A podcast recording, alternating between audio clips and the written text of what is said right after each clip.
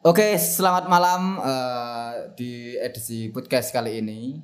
Malam ini saya mengkudeta Putut EA karena ya saya anggap dia tidak cukup kompeten untuk menjadi seorang host.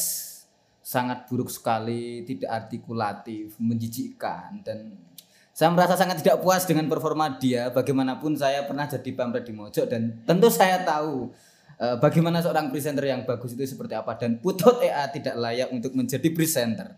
Makanya saya mengkudeta posisi dia malam ini. Dan malam ini saya kedatangan tamu spesial, tamu yang sangat menarik sekali dan tentu Anda mungkin sudah menunggu sekian lama. Jadi di episode podcast pertama dengan saya sebagai hostnya, bintang tamu kita kali ini adalah eh, Bapak Putut Asu.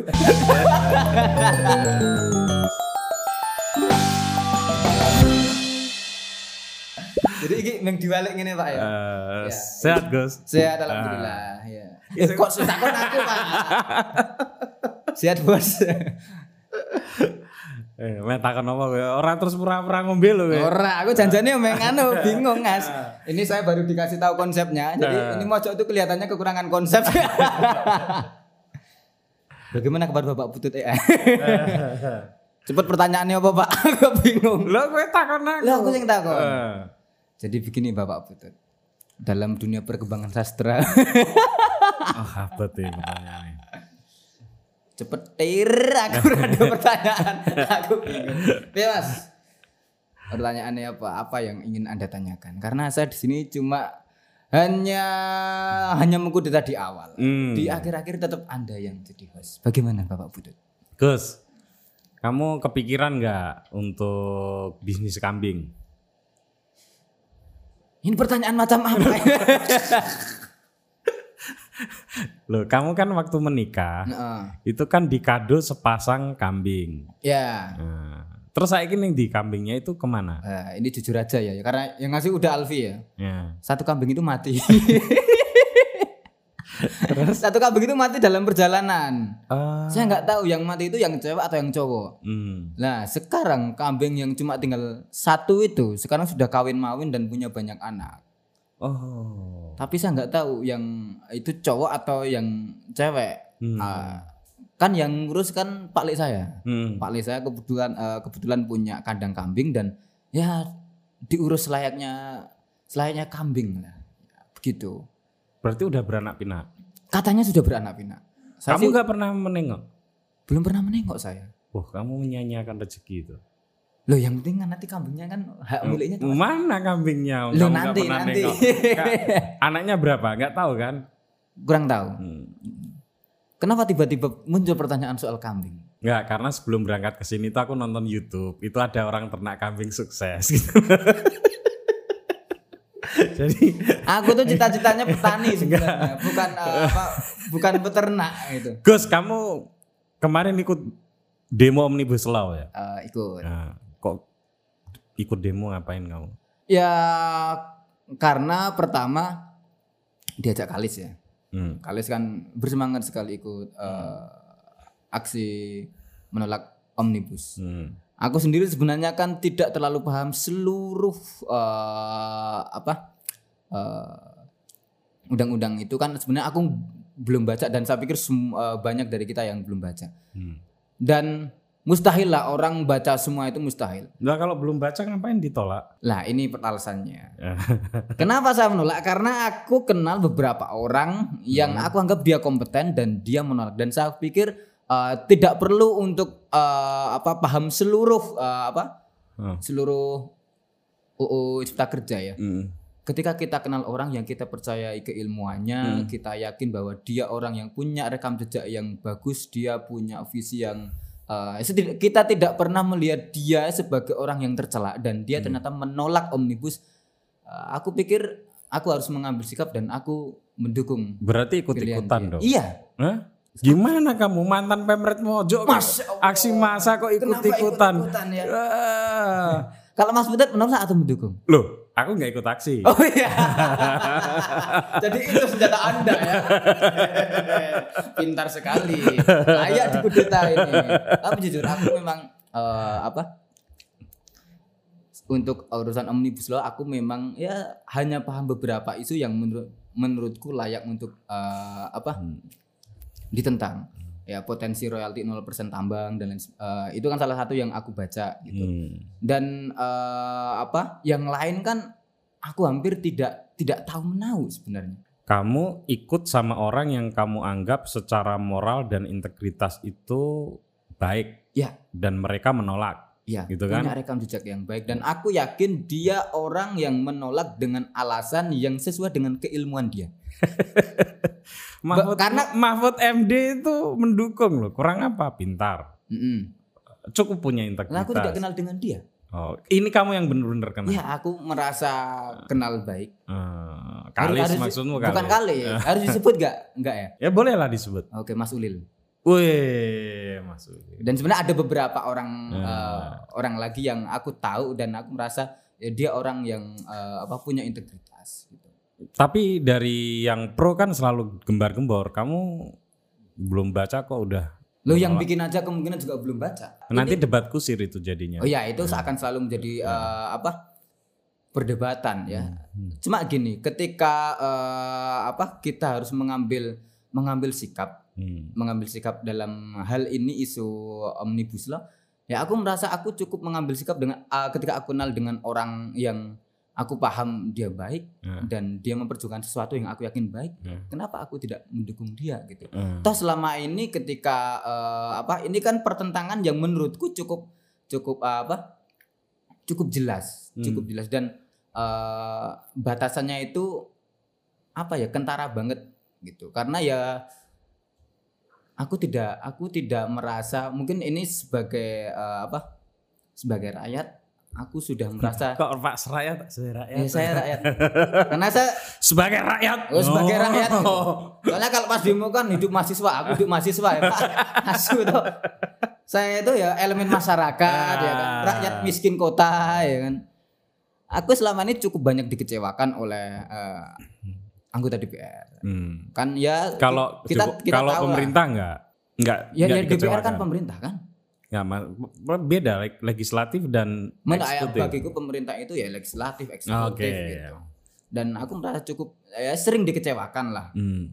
Ini kayak kayak sesederhana gini kayak eh, misalnya kemarin pertentangan untuk eh, meneruskan pilkada atau enggak? Hmm. Pemerintah bilang bahwa pilkada harus tetap dilakukan. Ya, Di satu sisi Muhammadiyah dan NU itu menunda. menolak Hmm. menolak itu dilanjutkan atau eh, ditunda lah sampai waktu yang kondusif. Hmm. Ya ada dua pertentangan. Kita yakin kita harus berada di sisi yang mana gitu. Selemah-lemahnya iman gitu. Hmm. Ya aku Oh, gitu ya. Ya aku milih Kenapa kok selemah-lemahnya iman harus mendukung atau enggak? Kalau misalnya alueh lah. Hmm. Ya pada Itu titik, ter- pada titik tertentu ada sesuatu yang aku merasa harus mendukung. Oke. Tidak bisa aku berada Ya. uh, mencari titik titik Ah, aman dan ya, sebagainya ya. karena ya itu hal uh, menyangkut uh, hajat orang banyak Hmm. gitu. Kayak uh, pilkada diteruskan atau enggak ya ada banyak hal-hal yang kemudian kita uh, apa hal-hal yang kemudian kita mengambil contoh misalnya uh, Selandia Baru Hmm. dia menunda pilkada Hmm. gitu dan pemimpin Selandia Baru kan pemimpin yang bagus. Setidaknya eh, dari berita yang kita baca dia Hmm. pemimpin yang bagus Jacinda Oh, Ardern itu. pindah saja sana ke Selandia Baru. wah nek kono gelem nompo pindah aku, Pak. Ning kono dadi apa? Ternak biri-biri. Cuma kan eh, ketika ada dua pertentangan ya kan bisa dilihat mana sih yang lebih punya punya visi atau punya concern untuk masyarakat atau untuk kebaikan. Walau mungkin ketika ada dua pihak itu mungkin sama-sama eh, hitam dan putihnya mungkin sama-sama nggak jelas tapi ya setidaknya kita tahu lah mana yang lebih hitam dan mana yang lebih putih Weh. begitu Kalau menurutmu pilkada ditunda? sebaiknya ditunda Apa alasan? Ya alasannya standar sebenarnya kan ketika pilkada bahkan ketika pilkada itu kan satu rangkaian aktivitas yang tentu saja tidak bisa dipisahkan dari aktivitas kampanye Hmm. gitu. Dan ketika isu eh, apa pilkada itu dilanjutkan atau enggak sudah banyak pelanggaran yang terjadi bahkan jauh sebelum pilkada ketika pendaftaran Hmm. eh, eh, orang-orang tidak bisa mengontrol eh, apa orang-orang tidak bisa eh, para calon tidak bisa mengontrol pendukungnya untuk tidak hadir di acara deklarasi dan lain sebagainya itu kan bentuk pelanggaran awal yang bahkan pasti akan memunculkan potensi penularan eh, COVID walaupun mungkin sekarang kita sudah banyak dari kita yang sudah tidak peduli dengan eh, protokol kesehatan. Nah itu maksudku. Mm-mm. Kan faktanya adalah nggak ada pilkada. Pilkada ditunda atau enggak pun orang-orang tuh sekarang sudah nggak terlalu peduli dengan COVID. Iya. Iya kan? Ya makanya selemah-lemahnya iman. Hmm. Jadi Ba- ya pilkada mau dihelat maupun enggak ya sebetulnya secara faktual orang-orang udah nggak peduli gitu loh. Kalau keberatannya ada di sisi Mm-mm. COVID-nya ya mestinya nggak ada masalah. Enggak dulu ketika isu soal pilkada ditunda atau enggak kan orang-orang masih punya kepedulian yang tinggi enggak Hmm. Ah. kayak sekarang. Kalau Ya, sekarang ya, mungkin ya. boleh jadi ya wis lah pilkada yo ben karena kita semua sudah eh, apa sudah sudah acuh lah, Hmm. sudah enggak peduli dulu ketika isu mengemuka kan eh, angka kenaikan masih tinggi Hmm. dan ya se- sekarang kita tidak bisa kita mungkiri kita semua sudah banyak yang bahkan tidak peduli dengan eh, protokol. gitu. Kamu tahu nggak kalau dua malam yang lalu mm, Mata Najwa mewawancarai Kiai Haji Ma'ruf Amin, tahu. wakil presiden. Itu beliau juga bilang sebetulnya setuju ditunda. Aslinya. Iya, ada di silakan ditonton di. Ya nanti akan saya tonton. Terus kalau balik ke Omnibus Law, Mm-mm. Gus, apa poin keberatan kamu yang paling apa ya, paling penting lah Hmm? soal Omnibus Law? Pertama gini, bahkan tanpa tanpa ke faktor UU-nya ya. Ya. Bahkan tanpa ke faktor UU-nya pun Omnibus Law sudah menjadi sebuah produk undang-undang yang memang itu aneh dan tidak tidak layak untuk disahkan. Ini sa- bukan Hmm. secara nganu ya, Ya, nggak ada, nggak persoalan kontennya. persoalan konten bukan di luar persoalan konten. Ketika eh, apa partisipasi masyarakat yang dilibatkan sangat eh, sedikit, eh, transparansinya dianggap terlalu rendah. Hmm. bahkan dari hal-hal yang seperti itu pun itu sudah layak untuk ditolak Hmm. apalagi eh, penolakannya itu eh, apa masif dari ber- eh, berbagai elemen masyarakat gitu. Bahkan sebelum pada konteks pun itu sudah kalaupun itu disahkan ya udah se- secepat itulah. Libatkan dulu banyak orang libatkan dulu banyak eh, apa stakeholder dan lain sebagainya. It- eh, itu kan UU Cipta Kerja terkesan ya kita semua tahu itu terkesan terburu-buru gitu. Iya, iya. untuk hal yang sepenting itu Oke. gitu bahwa di UU Cipta Kerja ada pasal-pasal yang bagus pasti Hmm. pasti ada yang bagus Hmm. cuma yang diprotes kan pasal-pasal yang tidak bagus Ya. dan itu sudah cukup menjadi alasan untuk menolak pasal itu gitu Oke. karena hukum harus 100% bagus menurutku Hmm. tidak boleh ada 99 hukum bagus dan satu buruk satu buruk itu sudah layak menjadi alasan untuk menolak hukum itu Weh. Menurutku Omongan ya. kayak Profesor Zainal Arifin Mukhtar. Bener ya? namanya? kita lihat sejenak oh kan lihat ya Mas Zainal itu juga salah satu orang yang juga aku Iya. jadi merasa bahwa itu layak untuk ditolak salah satunya Mas Ya. Zainal Arifin Ya, Mukhtar, gitu. Gus, kamu kan ikut penolakan setahun yang lalu Undang-Undang KPK. Sekarang Ya. Omnibus Law. Mm-mm. Kamu lihat masanya beda banget ya Gus ya? sangat berbeda Makin banyak sekarang. makin banyak karena kemarin aku sempat mengamati aku kan sempat itu sempat eh, aku tuh kemarin ikut tiga orang lah aku eh, Kalis sama satu karyawanku Hmm, beli satu gratis. kami ikut eh, kami ikut demo itu kan kami kan bingung karena kami bukan mahasiswa Ah. mana jadi kami itu jadi satu sama anak STM waktu itu terus eh Ah. jalan sama anak eh, anak STM itu kan kalau demo lucu-lucu ya Oh baru tahu aku. Kamu masih pantas sih kalau bareng sama anak STM. oh cocok pak lah aku Hmm. paut deh pantas ya pak gini gini saya lucu ya pak kayak bayi bayi celeng tapi gini eh ketika demo itu aku sempat itu eh aku kan menganggap bahwa akan ada potensi rusuh dengan jumlah masa yang ternyata banyak banget Hmm. banyak banget Kamu ikut anak STM dari titik berangkat mana? dari titik UGM oh. dari UGM ketika aku berangkat Oh, kamu kalau masuk kalau udah berangkat dari UGM aman. Posturmu dan rautmu kamu itu sangat filosofis. oh iya sangat apa sangat rakyat miskin kota itu polisi tidak berani menganiaya ya oh, ini pasti anak filsafat gitu loh. ya aku nek cekel lima dicekel polisi pak aku bakal badek iki lho Masa ya mbak kubrui Pak.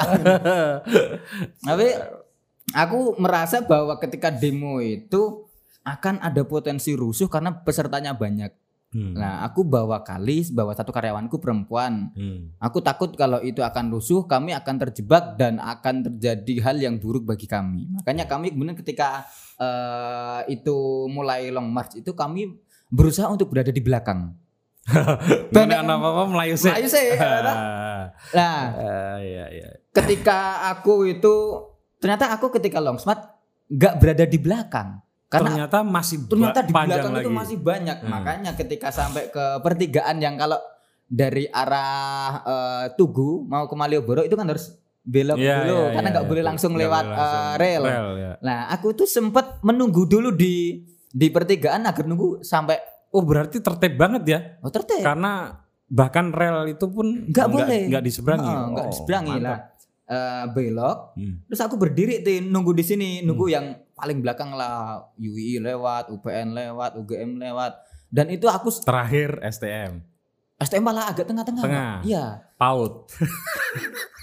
Mm-mm.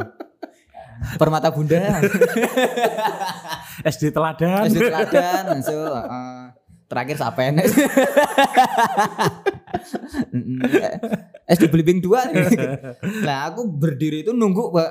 Enggak lah, nek wis rada rada emburi lah, rada emburi. Eh, Ternyata ketika aku nunggu itu, itu penantian yang cukup lama, hmm, 20 menit hmm, lebih lah. Long march itu terus terus terus masih ada. hmm. bahkan katanya ketika sampai di McD ketika kan long marchnya dari situ tuh bundaran UGM, Mirota, McD, terus Tugu.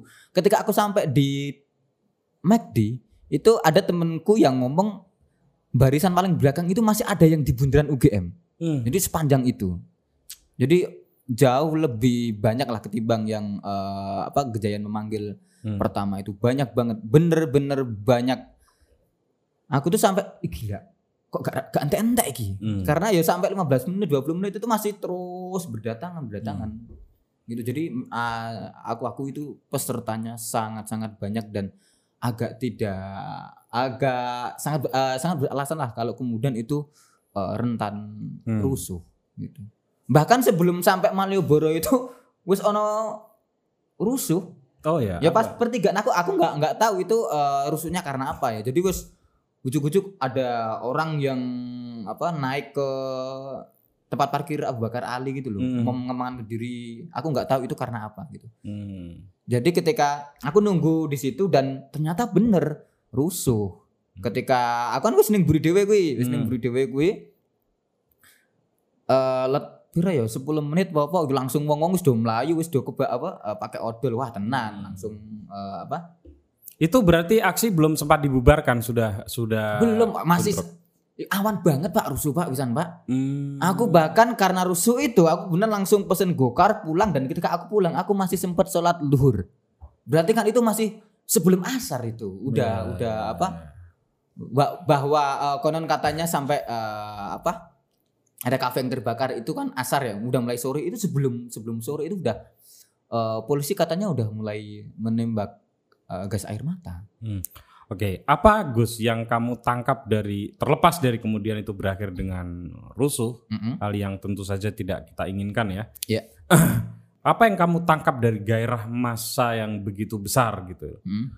Karena menurutku kan nggak mungkin juga mereka sudah baca seribu sekian Iya. undang-undang. Aku pikir gini, ada endapan-endapan kekecewaan eh, masyarakat yang kemudian memang benar-benar eh, apa memuncak. Aku pikir bukan hanya sat- satu alasan ya, ada Betul. banyak hal. Mhm. Eh, mungkin penanganan pandemi yang dinilai ya dinilai buruk lah Hmm. atau eh, apa keegoisan wakil rakyat lah atau apa pun dan itu semuanya terkumpul gitu Ya. sejak lama dan ketika itu kemudian eh, bertumpuk bertumpuk bertumpuk dan ada momentum ya jadilah Ya, gitu. betul. Setuju itu, Gus. Mm. Jadi eh, menurutku tidak tidak clear ya kalau aksi kemarin yang gede-gedean gitu itu hanya semata-mata dibaca dari penolakan omnibus law. Ini ada persoalan sosial yang lebih yang kompleks lebih lagi kompleks ya. yang mengendap terus-menerus tidak punya penyaluran yang baik gitu ya. Dan menurutku oke lah nanti mungkin eh, omnibus law, penolakan omnibus law maupun eh, momentum yang sekarang ada itu mungkin akan semakin mengecil. Iya. Sebagaimana undang-undang KPK. Ya. Tapi pengalaman masyarakat, emosi masyarakat dan apa pun itu, itu endapan-endapan itu itu jadi beban politik yang berat. Ya, dan akan terus tersimpan. akan terus tersimpan. Hmm. Dan pemerintahan Pak Jokowi ini masih empat tahun. Iya. Menurutku ya aku nggak nggak pernah secara teori politik ya dan pembacaan politikku itu tidak tidak mungkin apa Presiden Jokowi itu eh, apa eh, turun gitu ya. Iya.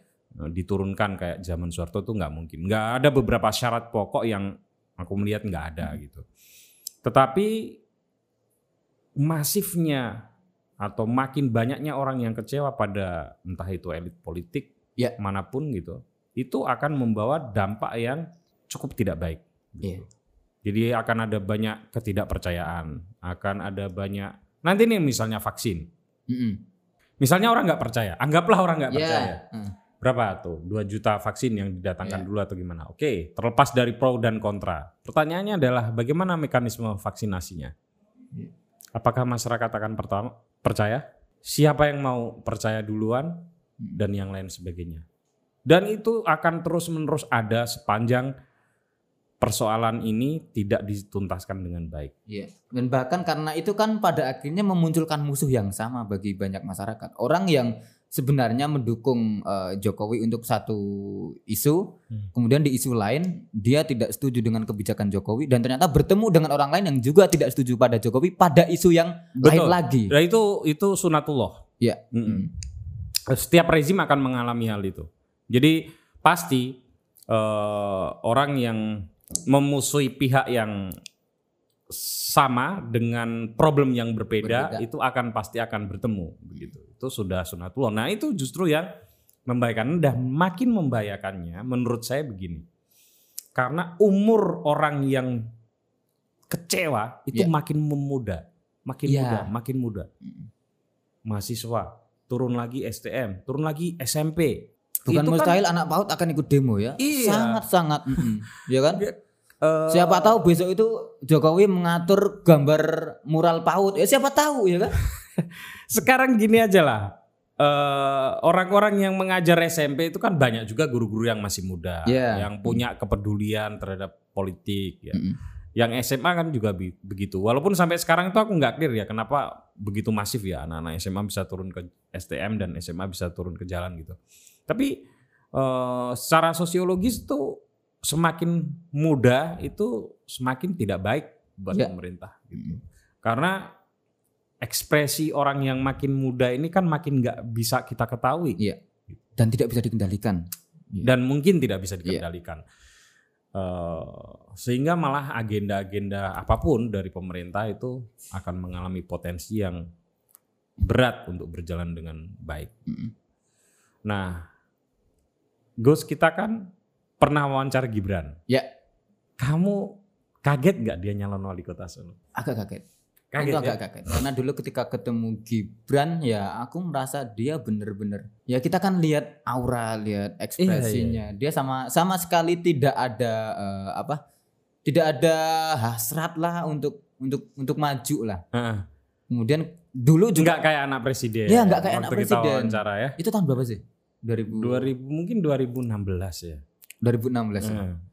dan kan tidak ada kayak eh, apa ya nggak nggak nyangka aja gitu karena aku selalu merasa bahwa salah satu hal yang benar-benar sangat ia banggakan adalah ketidakmauan anak-anak Jokowi untuk ikut dalam politik Betul.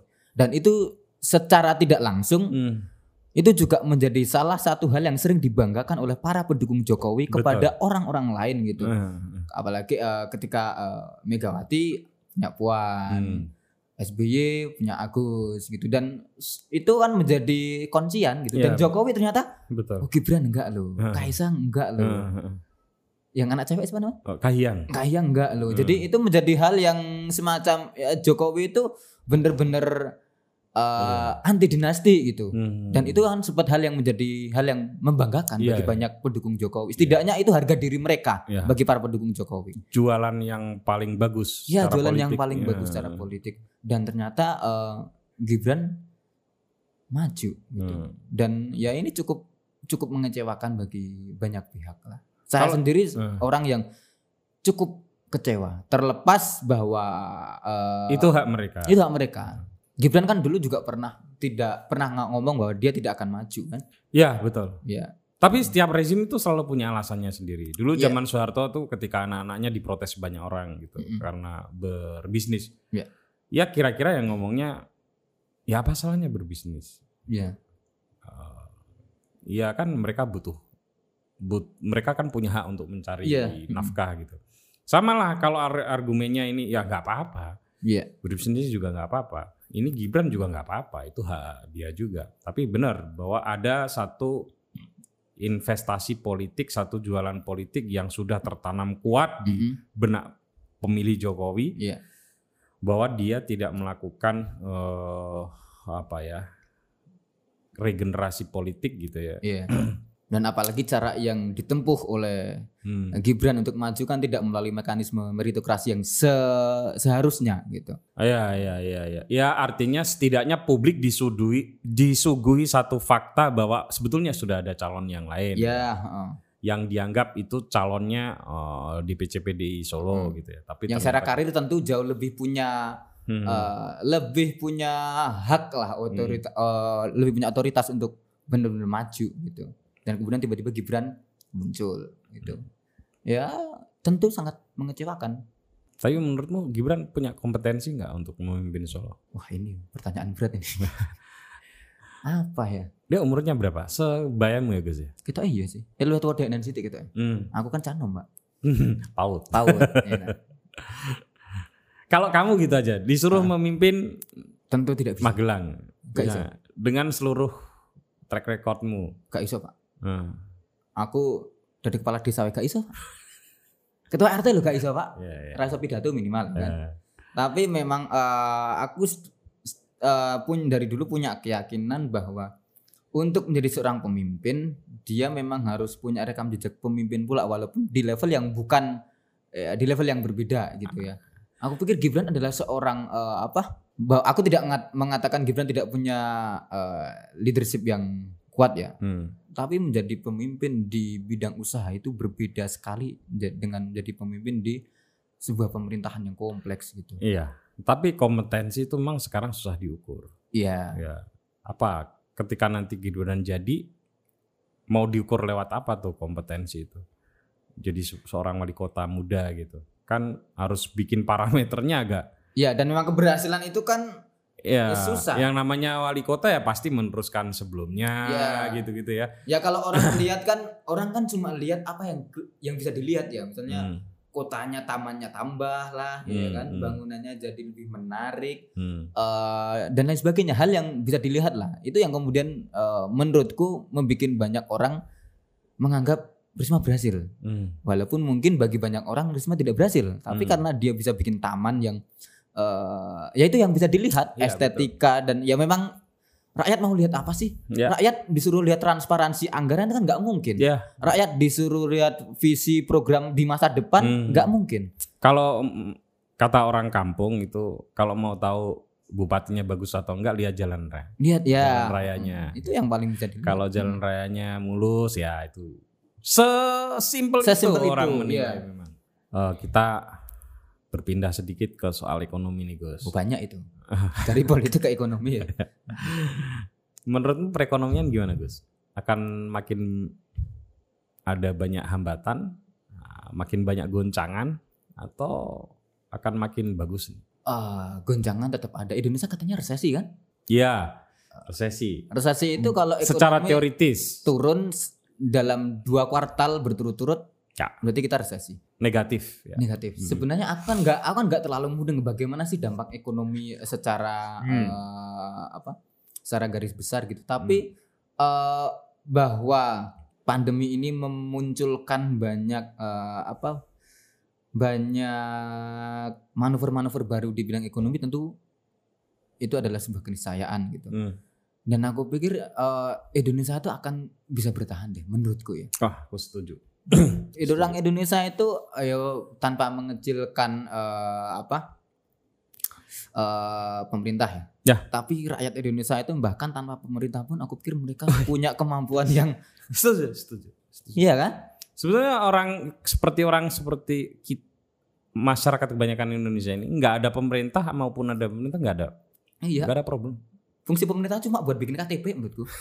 Sama kakak. Atau untuk pantas-pantasan di, Pantas-pantasan, dilihat iya. di TV ada Iya. ada ada gubernurnya, ada presidennya, ada menterinya, ada DPR-nya gitu.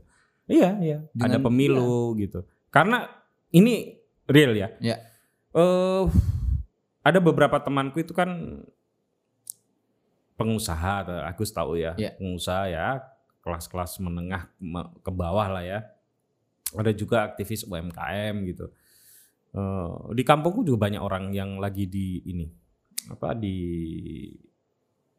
dirumahkan lah. Iya. Gitu. Banyak banget. Mungkin Agus kalau pulang kampung akan menemui fenomena Iya. semacam itu. Di kampung lagi lagi banyak tuh.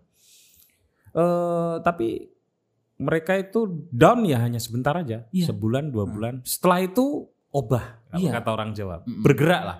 Entah itu ngerjain ini, ngerjain itu, apa ini. Yang mau nggak mau, pada akhirnya dengan gerakan-gerakan yang dilakukan oleh setiap elemen masyarakat itu, roda perekonomian itu berputar. Iya. Gitu. Mungkin secara teoritis tadi benar eh, pertumbuhannya negatif atau tapi di bawah perekonomian itu tetap gerak terus Iya. Menghasilkan sesuatu kemudian berproduksi konsumsi terjadi dan lain sebagainya dalam skala yang amat sangat mikro Mm-mm. sehingga kalau dideteksi tidak bisa dilakukan secara cepat gitu. Nah, aku percaya itu atas manuver siapa ya enggak itu by nature aja. Iya. Orang kalau nggak bisa makan, oke me- dengan tidak mengurangi misalnya apa ada eh, ada bantuan dari pemerintah yaitu itu udah pastilah teorinya udah jelas sejak zaman SBY itu juga dilakukan Mm-mm. itu pasti ada tapi kalau hanya itu saja itu kita mengesampingkan bagaimana geliat Iya. manusia sebagai makhluk berakal dan makhluk yang berusaha Iya. dan ketika kita terancam tidak bisa makan tidak bisa melakukan sesuatu ya pasti bergerak apa pun dikerjakan dan itulah yang mulai menggerakkan roda-roda perekonomian di bawah. Iya. Tapi di UMKM itu memang terasa Gus, terasa dan apa ya mungkin itulah yang butuh waktu. Mm-mm. Gitu. Eh, pedagang kue, pedagang apa ya memang masih masih merasakan itu. Tapi saya yakin dengan masyarakat itu pasti menemukan caranya Menemukan untuk kembali hidup. Mereka punya daya hidup yang Ah, betul. tidak bisa dinalar sebenarnya. Tanpa bisa diteorisasikan. Iya. Ya. Apalagi, Apalagi orang kita orang kita orang kampung loh ya. Ya. Dia tahu persis bagaimana apa kehidupan orang kampung untuk mencari Iya. sesuap nasi dan mempertahankan hidup gitu. hal yang tidak layak dimakan pun bisa dimakan ya. bisa. Isi nangka ya udah di dipangan ya kan. Iya. Ka, eh, kok kambil eh, pepaya busuk ya udah disambel ya kan. Udah di saus ya kan. Ya. Semua kelihatannya semua dimakan deh. Ya. Neon pun ya kan kalau jadilan juga bisa dimakan. Tapi Semprong. semprong itu dimakan. Orang Indonesia apa sih yang nggak bisa dimakan ya kan? Semprongnya dipangan. Iya. Bluluk ya. Dulu loh ya kan. Hal yang tidak layak dimakan bagi Indonesia itu dimakan ya kan. Setan gitu nek. dimakan ya kan. Nah, itu yang membedakan sebetulnya secara garis besar, secara teoritis tuh Gus. Aku tuh sebetulnya agak ada, agak ada di dalam Apa? apa ya persimpangan gitu. loh. Gini, masyarakat ini belum tentu bisa terjadi di Barat loh. Ya. Masyarakat yang terbiasa mendapatkan subsidi, Iya. dijamin kesejahteraannya oleh negara, itu bagus. Satu negara hadir itu memang ada gunanya. Ya. Gunanya ya kayak gitu itu. Tetapi ketika menghadapi krisis yang bertahan itu ternyata adalah orang-orang yang tidak biasa diperhatikan oleh negara. Persis. Pelaut yang hebat selalu lahir dari lautan yang ganas. Nah, Tidak ada pelaut hebat lahir dari lautan yang tenang. nah kan? sehingga kalau nanti kamu jadi presiden tuh Gus, apa yang kamu lakukan? Apakah kamu akan bantu masyarakatmu untuk mandiri dengan cara tidak perlu membantu mereka Hmm. atau kamu lindungi mereka dengan pengetahuan bahwa mereka akan lemah. Oh jangan. Saya akan membiarkan rakyat saya. Membiarkan apa? Membiarkan tidak memberikan subsidi dan lain sebagainya. Ben ubah dewe. Oh. Saya kejam soalnya. Oke oke oke. Terus kalau di demo gimana? Kamu nggak bertanggung jawab pada rakyat? Lah dewe garek midun Pak. Aku repot. Ya demo garek midun yang di anak bojo. demo yang midun balik kelon ya. Oh, urip pemeng kamu no. Aku ya bakal jadi presiden Pak. Misalnya, Misal. misalnya. Tapi kamu nggak pernah membayangkan Gus suatu saat jadi anggota DPRD? eh, Tidak pernah. Justru aku malah membayangkan desa. istriku yang jadi. Oh kalis ya. Aku justru Kalis membayangkan Kalis adalah. punya potensi yang besar. Hmm. Dia punya modal sosial yang baik, punya koneksi yang menurutku sangat-sangat sangat-sangat bagus untuk ukuran orang seusia dia. Dan lebih mengerikan kan, Kalis kalau marah kan tegas. Oh, mengerikan banget, Pak. Aku kadang suka ngantek rawani Bali. Halo Kalis. I love you. Nggak, tapi ini ya, ini juga terlihat soal kemanjaan. Oke, saya Hmm. saya potong. Mas betul pernah punya bayangan pengen jadi presiden? Enggak. Tapi ini Bu- Bupati, bupati. enggak, enggak, enggak. Masuk toh, Pak? Heeh, Yakin? enggak. Rendah Tapi sekali gini. cita-citamu ya. Enggak, aku enggak pernah punya cita-cita gitu, Gus. Tapi gini, aku sering gini nih. Nah, kayak gini nih, membayangkan seandainya aku jadi Jokowi. Oh, eh. Jadi kayak apa ya, permainan pikiran gitu ya. Dalam situasi kayak gini apa sih yang mestinya dilakukan oleh presiden? Itu berat loh. Kalau kita berani sedikit apa ya, naik tapi ada nggak bagusnya ya. Ini tentu saja gini. Ada di satu sisi kita ini harus memposisikan sebagai warna warga negara yang baik. baik ya. Warga negara yang baik adalah warga negara yang berani menuntut hak-hak mereka, berani menyuarakan aspirasi mereka. Di sisi yang lain, terkadang sebagai orang yang eh, agak ngerti dunia politik, Iya. gitu ya, punya kapasitas intelektual yang mungkin pas-pasan, gitu. kita juga membayangkan seandainya kita jadi pemimpin, Iya. Berat nggak gitu? Eh, apa yang harus kita lakukan dengan pertimbangan begini, begini, begini, begini? Itu kalau kalau disimulasikan gitu ya, pakai gambar seandainya aku jadi Jokowi, ini ada problem tentang misalnya lingkungan, Hmm. apa yang harus kita lakukan? Kalau lingkungannya nggak kita rusak, apa risikonya?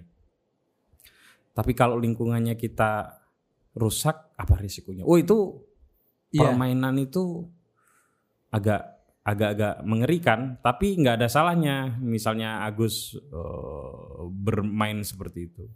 Aku salah satu hal yang membuatku itu tidak pernah membayang, eh, tidak pernah bermimpi jadi presiden. Hmm. Karena aku tuh orangnya rikuan, nggak Hmm. enakan. Hmm. Sedangkan menjadi pemimpin adalah salah satu hal yang harus ia punyai adalah berani untuk tidak enak. Kalau aku nggak di situ, Gus.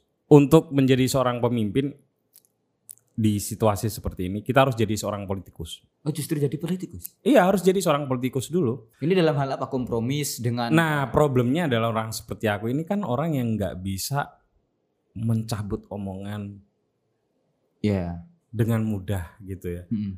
Atau memanis-maniskan sesuatu yang pahit dan memahit-mahitkan sesuatu yang manis, Manis. gitu. Mm. Maaf ya, di aksi penolakan undang-undang KPK maupun Omnibus Law itu kan banyak aktivis yang nyir pada para mahasiswa. Iya. Itu mantan aktivis. loh. Itu bisa kayak gitu. Hal yang kalaupun toh kamu itu orangnya Jokowi dalam tanda kutip, Iya. kamu itu nggak nggak seharusnya begitu. Iya. Satu, kamu pernah mengalami itu. Dua, kamu tahu bahwa sebetulnya nggak ada kan niat yang buruk dari itu.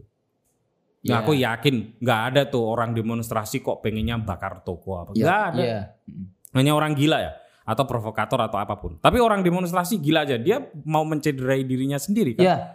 Gitu. Dengan begitu makin represif, dengan begitu makin susah untuk menyuarakan aspirasi. Hanya orang gila yang berpikir dan itu semua orang tahu, termasuk para elit eh, mantan aktivis itu. Jadi aku tuh nggak masuk akal loh Gus. Kalau ada mantan aktivis Mm-mm. kemudian mengejek aktivis. Itu sejak zaman SBY sudah aku temukan. Oh. Ini bukan fenomena baru nih. Mm-mm.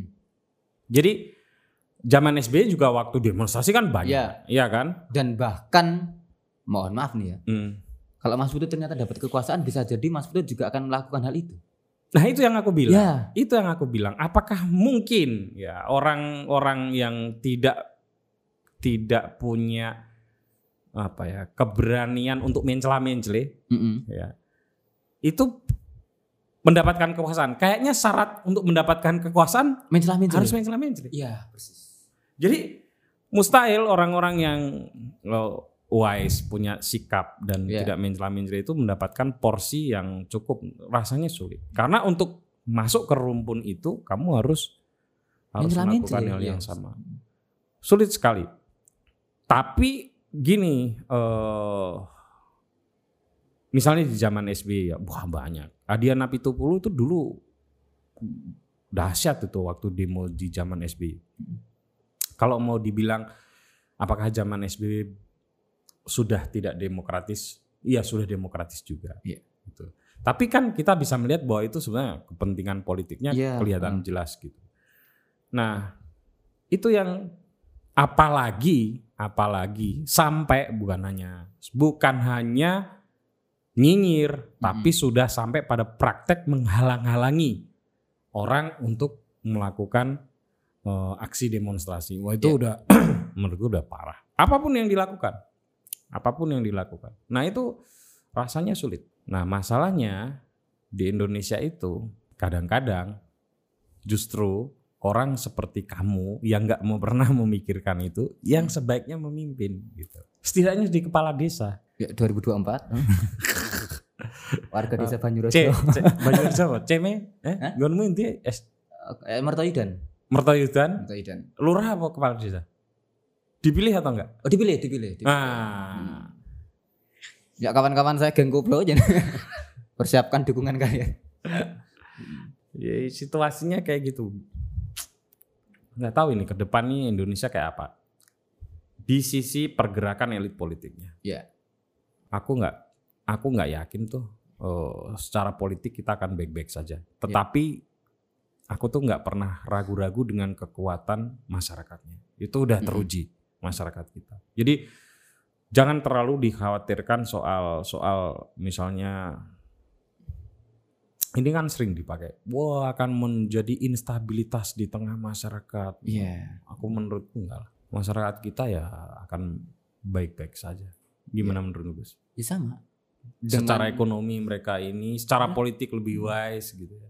setidak eh, sebenarnya hal eh, serangkaian peristiwa kayak eh, apa ya penolakan omnibus law terus yang kemarin eh, KPK itu sedikit banyak mau tidak mau memang tidak bisa dimungkiri membuat pengetahuan masyarakat akan politik itu sebenarnya meningkat dan itu kan hal yang sebenarnya cukup bagus. Hmm. Orang mau membicarakan politik itu menurutku sudah sangat eh, kemajuan yang eh, apa dahsyat ketimbang tidak sama sekali orang membicarakan politik dan Hmm. orang juga semakin tahu eh, orang semakin punya sikap dalam berekspresi menolak sebuah kebijakan dan ya aku pikir di masa depan pemimpin harus jauh lebih berhati-hati karena ya mereka tahu bahwa ada ratusan juta orang yang siap marah. Termasuk Agus harus lebih berhati-hati dalam memilih dan mendukung presiden Ya, atau memilih dan mendukung calon anggota DPR. ya. persis. Gus 2024 menurutmu siapa yang paling ideal memimpin Indonesia? Aduh, siapa ya? Ah, Aduh, aku bingung banget. masa bingung? Kalau menurut Mas Butet siapa? Aku sih sebenarnya pengen eh, pengen anak muda, eh. pengen anak muda dan eh cuma berapa sih eh, usia minimal jadi presiden? tuh? 40. 40 ya. Eh, Jangan sampai lebih dari 45. Setidaknya dia tid- dia tidak punya jarak yang eh, Enggak, jauh. kenapa sih? Kenapa sih muda itu penting gitu buatmu, Gus? Karena gini menurutku Hmm. ini per- Jokowi ketika jadi presiden masih cukup muda. Dia sekarang udah tua. Tapi enggak aku, aku, SBY juga aku suka masih cukup muda. eh, suka Soeharto masih cukup muda. berapa Soeharto nah? Loh, 44 tahun. Soekarno 44 tahun. Oh iya ya. Jadi saya harus harus terus mempertanyakan pertanyaan kritis ini. Mm-mm. Kalau orang selalu ngomong harus muda Ya pemimpin. udah, kalau Kenapa gitu muda? undang-undang yang diubah minimal 35 atau 30 lah. Nah, Soekarno Hmm. itu 44 tahun. Soeharto kurang lebih sama. Walaupun ketika ini ya, maksud saya ketika dia mulai me- pasca 65 ya, Mm-mm. eh, masih cukup muda semua. Kenapa parameter muda itu mesti jadi hal yang penting? Kalau aku sih udah nggak terlalu peduli. menurutku anak muda itu tidak berjarak dengan eh, apa? Tidak berjarak dengan genda kalau istilah apa generasi milenial ya, orang Hmm, yang hmm, hmm. 30 tahun ke bawah Hmm. itu. Dan kadang kita tahu bahwa sekarang dunia itu dikendalikan oleh orang-orang seperti itu, Hmm, Tapi bukan berarti mereka punya integritas yang baik. apalagi yang tua. Sama-sama bukan parameter, bukan rumputnya. Gimana maksudnya? Yang muda bisa jahat, yang tua bisa jahat. Loh, kalau gitu Iya tidak ada kan? pertanyaan kenapa muda, kenapa tua. Iya, iya. Mak makanya kenapa kenapa harus ada parameter presiden itu harus Oke. muda? Muda muda belum tentu menunjukkan integritas. Hmm. Tua tidak menunjukkan Sama. sama juga. Ya. Tapi yang muda lebih punya kemungkinan untuk relate dengan orang-orang yang memang punya usia yang lebih muda. Tapi tua bisa juga deng- penuh dengan pengalaman. Loh enggak logikanya udah beda Mas menurutku ya. ya nggak apa-apa. Aku tuh jadi inget dulu ketika kasus Hmm. eh apa Cambridge Analytic Eh, ya. Mark Zuckerberg itu ditanya sama hakim dan pertanyaan dari hakim itu eh, pertanyaan-pertanyaan yang konyol Hmm. gitu. Hmm. Dia tanya soal basic-basic Facebook Hmm. dan eh, si Mark itu menjelaskan dengan seperti seperti dia menjelaskan kepada anak TK hmm. gitu. Padahal kita tahu bahwa ya sekarang dunia politik semua tidak tidak bisa tidak harus berhubungan dengan eh, apa? Dengan strategi kampanye digital. Bahkan menurutku omnibus law ini seandainya dikampanyekan dengan baik penolakannya tidak akan semasif ini menurutku. Itu juga termasuk hal yang sering aku kritisi. Mm-mm. Eh, oh kalau begitu ini persoalannya ada pada pinggirannya dong, Ya bisa bukan jadi. pada substansinya. Tapi menurutku nggak juga. Kalau maksudnya kenapa eh, tidak ada pengaruh tua muda? Kalau aku sih lebih cenderung suka yang muda. Nanti bisa dilihat ya, eh, apakah Hmm. apakah mereka yang kena kasus korupsi itu makin menua atau makin memuda, gitu. Kita lihatlah. Hmm. Aku pikir banyak datanya itu. Kalau sepintas aku, Ya. pengalamanku kemudian mengikuti era pasca Orde Baru, menjadi agak tidak relevan membicarakan muda dan tua, Hmm. gitu. Karena dulu banyak, aku nggak tahu. Silakan nanti dicek secara Ya. angka gitu ya. Apakah mereka yang korup melakukan korupsi, apakah semakin muda? Kan makin muda banyak tuh. Ya, Tapi yang kena kasus korupsi juga makin muda. Pejabat-pejabat yang kena Iya juga korupsi. ya. oh iya. Karena semakin Dan banyak juga angkanya anggota makin- dewan yang dan muda-muda juga. angkanya makin gede-gede dan itu f- faktual menunjukkan kepada kita betapa sebenarnya tidak relevan. Tetapi kalau aku perempuan dan non Jawa itu masih penting karena itu Oh ya ini menarik. Apa alasannya? karena itu menggeser paradigma kita. Jadi kalau tua dan muda aku agak nggak relevan. Nah, kita Tapi kalau Ah, kalau non Jawa dan perempuan menurutku itu penting. apalagi non muslim. Nah, suatu saat ya Ya, kalau perlu suatu saat ya nggak ada masalah. Eh, ya kalau memang dipilih juga nggak ada masalah. Iya, nggak ada masalah. Nggak ada masalah. Walaupun untuk kasus yang seperti itu mungkin ya secara ini ya mungkin secara objektif gitu ya. Sekarang agak sulit. Ya. Tapi sudah mulai dipikir tuh sekarang gini sih Gus menurutku. Kalau mau agak-agak lebih baik ya, Iya. ya kita boleh tidak sepakat. Yang pertama yang perlu diubah adalah bukan electoral thresholdnya, tapi durasi memimpinnya. Sekali aja presiden di Indonesia. Kalau udah ada janji menuju dua kali, aduh itu udah, udah masalah aja itu. pokoknya. Iya. Ah. Kalau sekali ya udah sekali, sekali tapi misalnya waktunya enam tahun atau tujuh Mm-mm. tahun, nggak ada masalah. Tapi dia nggak diiming-imingi oleh jabatan selanjutnya. Sekali aja, Ya, sehingga Electoral threshold masa nggak penting mas? Ya elek enggak maksudku sebelum electoral Ya, threshold oh. menurutku yang paling penting ini. Ya. Ya enggak elek karena incumbent itu tetap beda. Akan banyak menangnya kalau presiden. ha. Gitu loh. Dan begitu presiden itu udah punya janji akan menjabat selanjutnya itu udah mulai ngaco. Menurutku ya, udah mulai ah, ya sekarang saya nggak punya beban lagi ya buktinya malah justru bebannya makin banyak. Awan makin banyak iya. Secara faktual ya memang makin banyak. Gerbongnya makin banyak, makin Ya. panjang, pasukannya makin banyak. eh yang harus diakomodasi banyak, otomatis bebannya banyak gitu loh. Itu nggak Ya. semudah diucapkan gitu. Itu yang pertama. Yang kedua yang harus didorong adalah kalau bisa nanti ada syarat-syarat tuh. Eh, gini dulu. Ini kayaknya sih udah disetujui ya bahwa mestinya ada teritori. Jadi kemenangannya itu bukan hanya Jawa. Iya. Kemenangannya itu ya harus dihitung ya Jawa dengan Sulawesi dengan Kalimantan itu harus dipikir betul itu Iya. bahwa densitasnya itu ada di Jawa tapi tidak mengurangi keadilan kita Keadilan, atas iya. yang di luar Jawa. gitu. Termasuk calonnya sudah Ini mulai udah di kan? Udah disetujui. kayak kayaknya sudah, mestinya sudah. Jadi kalau misalnya Untuk Jo- 2024. Ya Menarik. jadi mestinya kalau Jokowi eh, kemarin dihitung dengan cara seperti itu dia kalah. Kalah. Iya. Iya, dia kalah. Tapi itu itu perkembangan yang menarik kalau ya, kalau nggak salah itu sudah di sudah disetujui ya di MK ya. Iya. Terus calonnya juga kalau bisa itu sama lah kayak perempuan itu yang eh, 30% caleg itu harus perempuan. Harus gitu. perempuan. Nah, menurutku juga harus begitu. Presiden pun harus begitu. Jadi satu calon mestinya ada wakilnya perempuan atau dari sepasang itu harus laki-laki dan perempuan nggak ada masalah diatur. Iya. Menarik. Iya kan? Mm-mm. Jadi mau nggak mau setiap pasangan itu harus melirik dipimpin oleh perempuan. Entah itu presiden, entah itu wakil presiden. Harus berani untuk Iya. begitu. Nah itu baru baru keren. Dan Kalau akan gitu. memperkaya perspektif. Iya, karena beda sudah beda ini Sudah beda, urusannya kalau iya. laki-laki sama perempuan Iya. gitu. Itu udah hal yang berbeda. Gitu.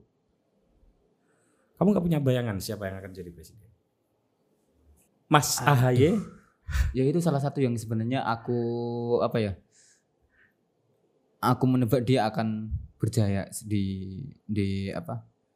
Di masa depan ya. Cuma eh, nggak terlalu yakin. Mbak Puan? Oh enggak, enggak lah. Kamu kenapa percaya Mas Ahaye bisa memimpin?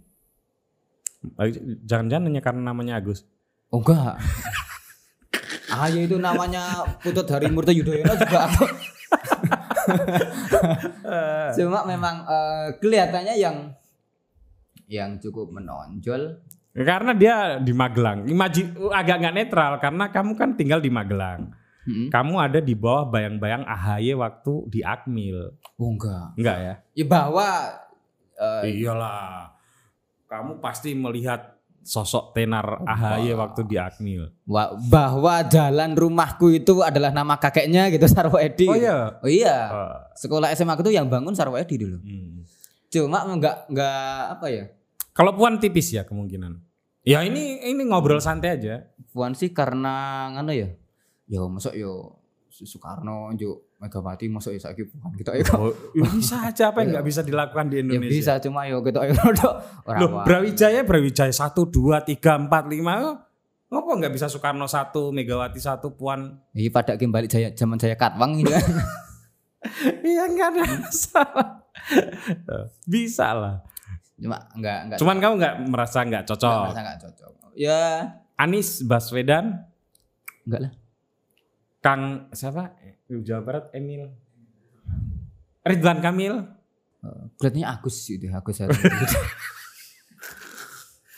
iya.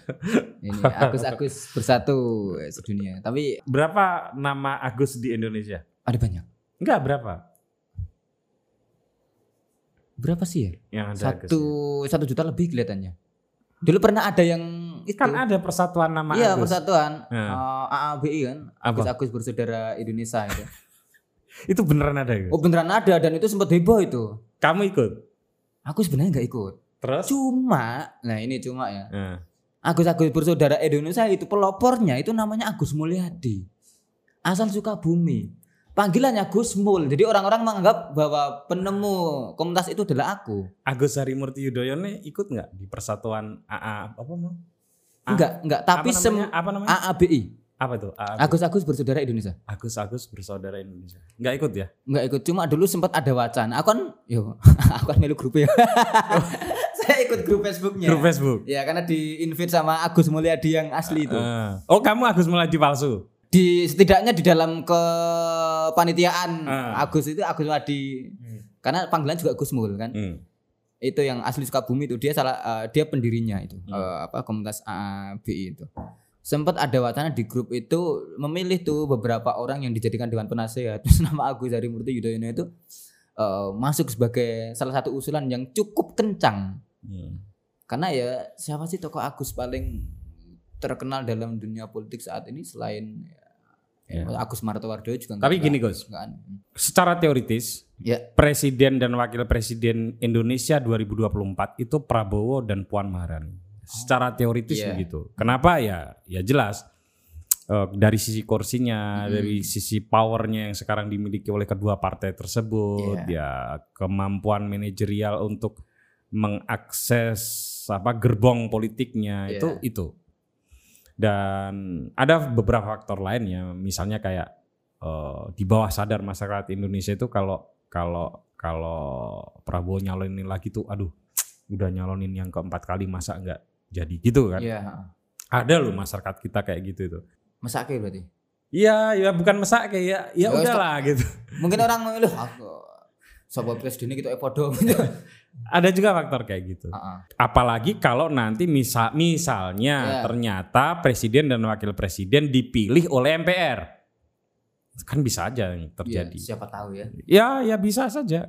Omnibus Law aja bisa. Bisa. Undang-undang KPK kan kita nggak pernah bayangin undang-undang KPK itu akan seperti ini kan? Ya. Iya kan? Nggak pernah sepanjang hidup saya itu membayangkan undang-undang KPK. Kalau Omnibus Law memang di luar pikiran ya. Iya. Aku nggak nggak pernah. Tapi kalau undang-undang KPK itu dulu menurutku kan reformasi itu sebenarnya tiga saja Pem- eh, pemilihan langsung, desentralisasi dan salah satunya itu pemberantasan Pemberantasan korupsi. korupsi. Iya. Nggak pernah bayangin Indonesia jadi kayak gini gitu. Iya. Ah, artinya itu saja bisa, apalagi balik lagi ke Balik lagi pemilihan ke- iya, MPR ya, ah. sangat mungkin. Nah, bisa saja begitu. Tetapi ini yang terakhir nih sebagai apa? Ya apa ya? n- Bernujum real. Iya.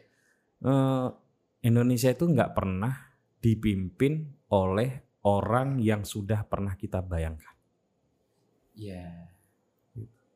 Tidak pernah dipimpin oleh orang yang sudah kita bayangkan. Jadi orang yang pengen mencalonkan selalu pengen itu enggak enggak jadi. ini artinya Prabowo tidak akan memimpin.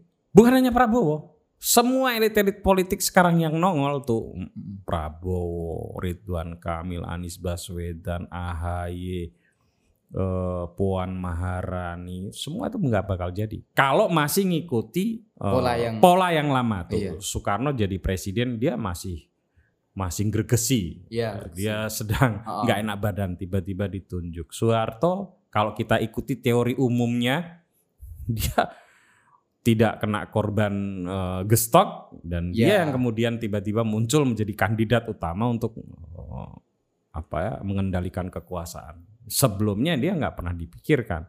Habibie apalagi ya? Habibie Iya. apalagi dia seorang teknokrat maaf saja dulu kan dianggap dari Indonesia Timur dan lain sebagainya ya, Ya. yang belum secara faktual belum belum kepikiran lah orang eh, Habibie menjadi presiden Eh, dan dia nggak mengira tiba-tiba akan jadi presiden kan Iya. pastinya jadi dia nggak mikir tuh ya dia jadi wakil presiden dan tiba-tiba jadi presiden dalam Iya. waktu yang singkat kan beliau nggak nggak Iya. tahu kan Lalu tiba-tiba Megawati yang menang reformasi luar biasa yang jadi Gus Dur Gus. Bukan Megawati. Iya.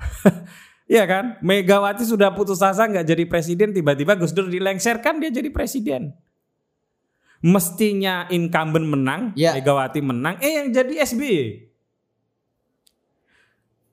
Polling-polling sebelumnya menunjuk Prabowo yang akan jadi presiden muncul orang bernama Jokowi. Nggak bisa. Dari gejala seperti itu mestinya, bukan mestinya, eh, wajar jika kelak kemudian 2024 presiden kita bukan nama-nama yang sudah muncul Oke, Mas. sekarang. Ini 2024 Erik Sukamti gitu.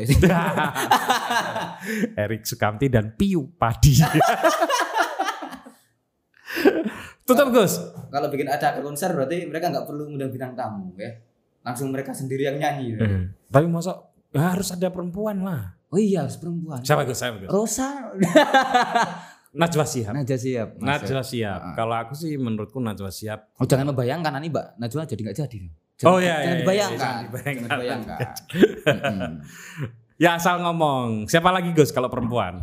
Perempuan istri saya saya kan masuk. Oh, ya, anggota DPR. Oh, anggota DPRD DPRD dulu. dulu. Ya. DPRD Bloro. Engko lima tahun meneh DPRD Jawa Tengah yang runtut gitu loh. Kan tidak pernah dibayangkan. kan presiden. Oh iya. Wes, itu aja. Eh, itu obrolan saya bersama bintang tamu yang biasanya eh, jadi host. Simak eh, perbincangan saya bersama narasumber Oh, lain. ber- berarti bar iki kowe terus lho. ya? Oh, coba gitu. Simak perbincangan Putut ya bersama narasumber lain eh, di edisi podcast selanjutnya. Salam Kelomo. Mwah.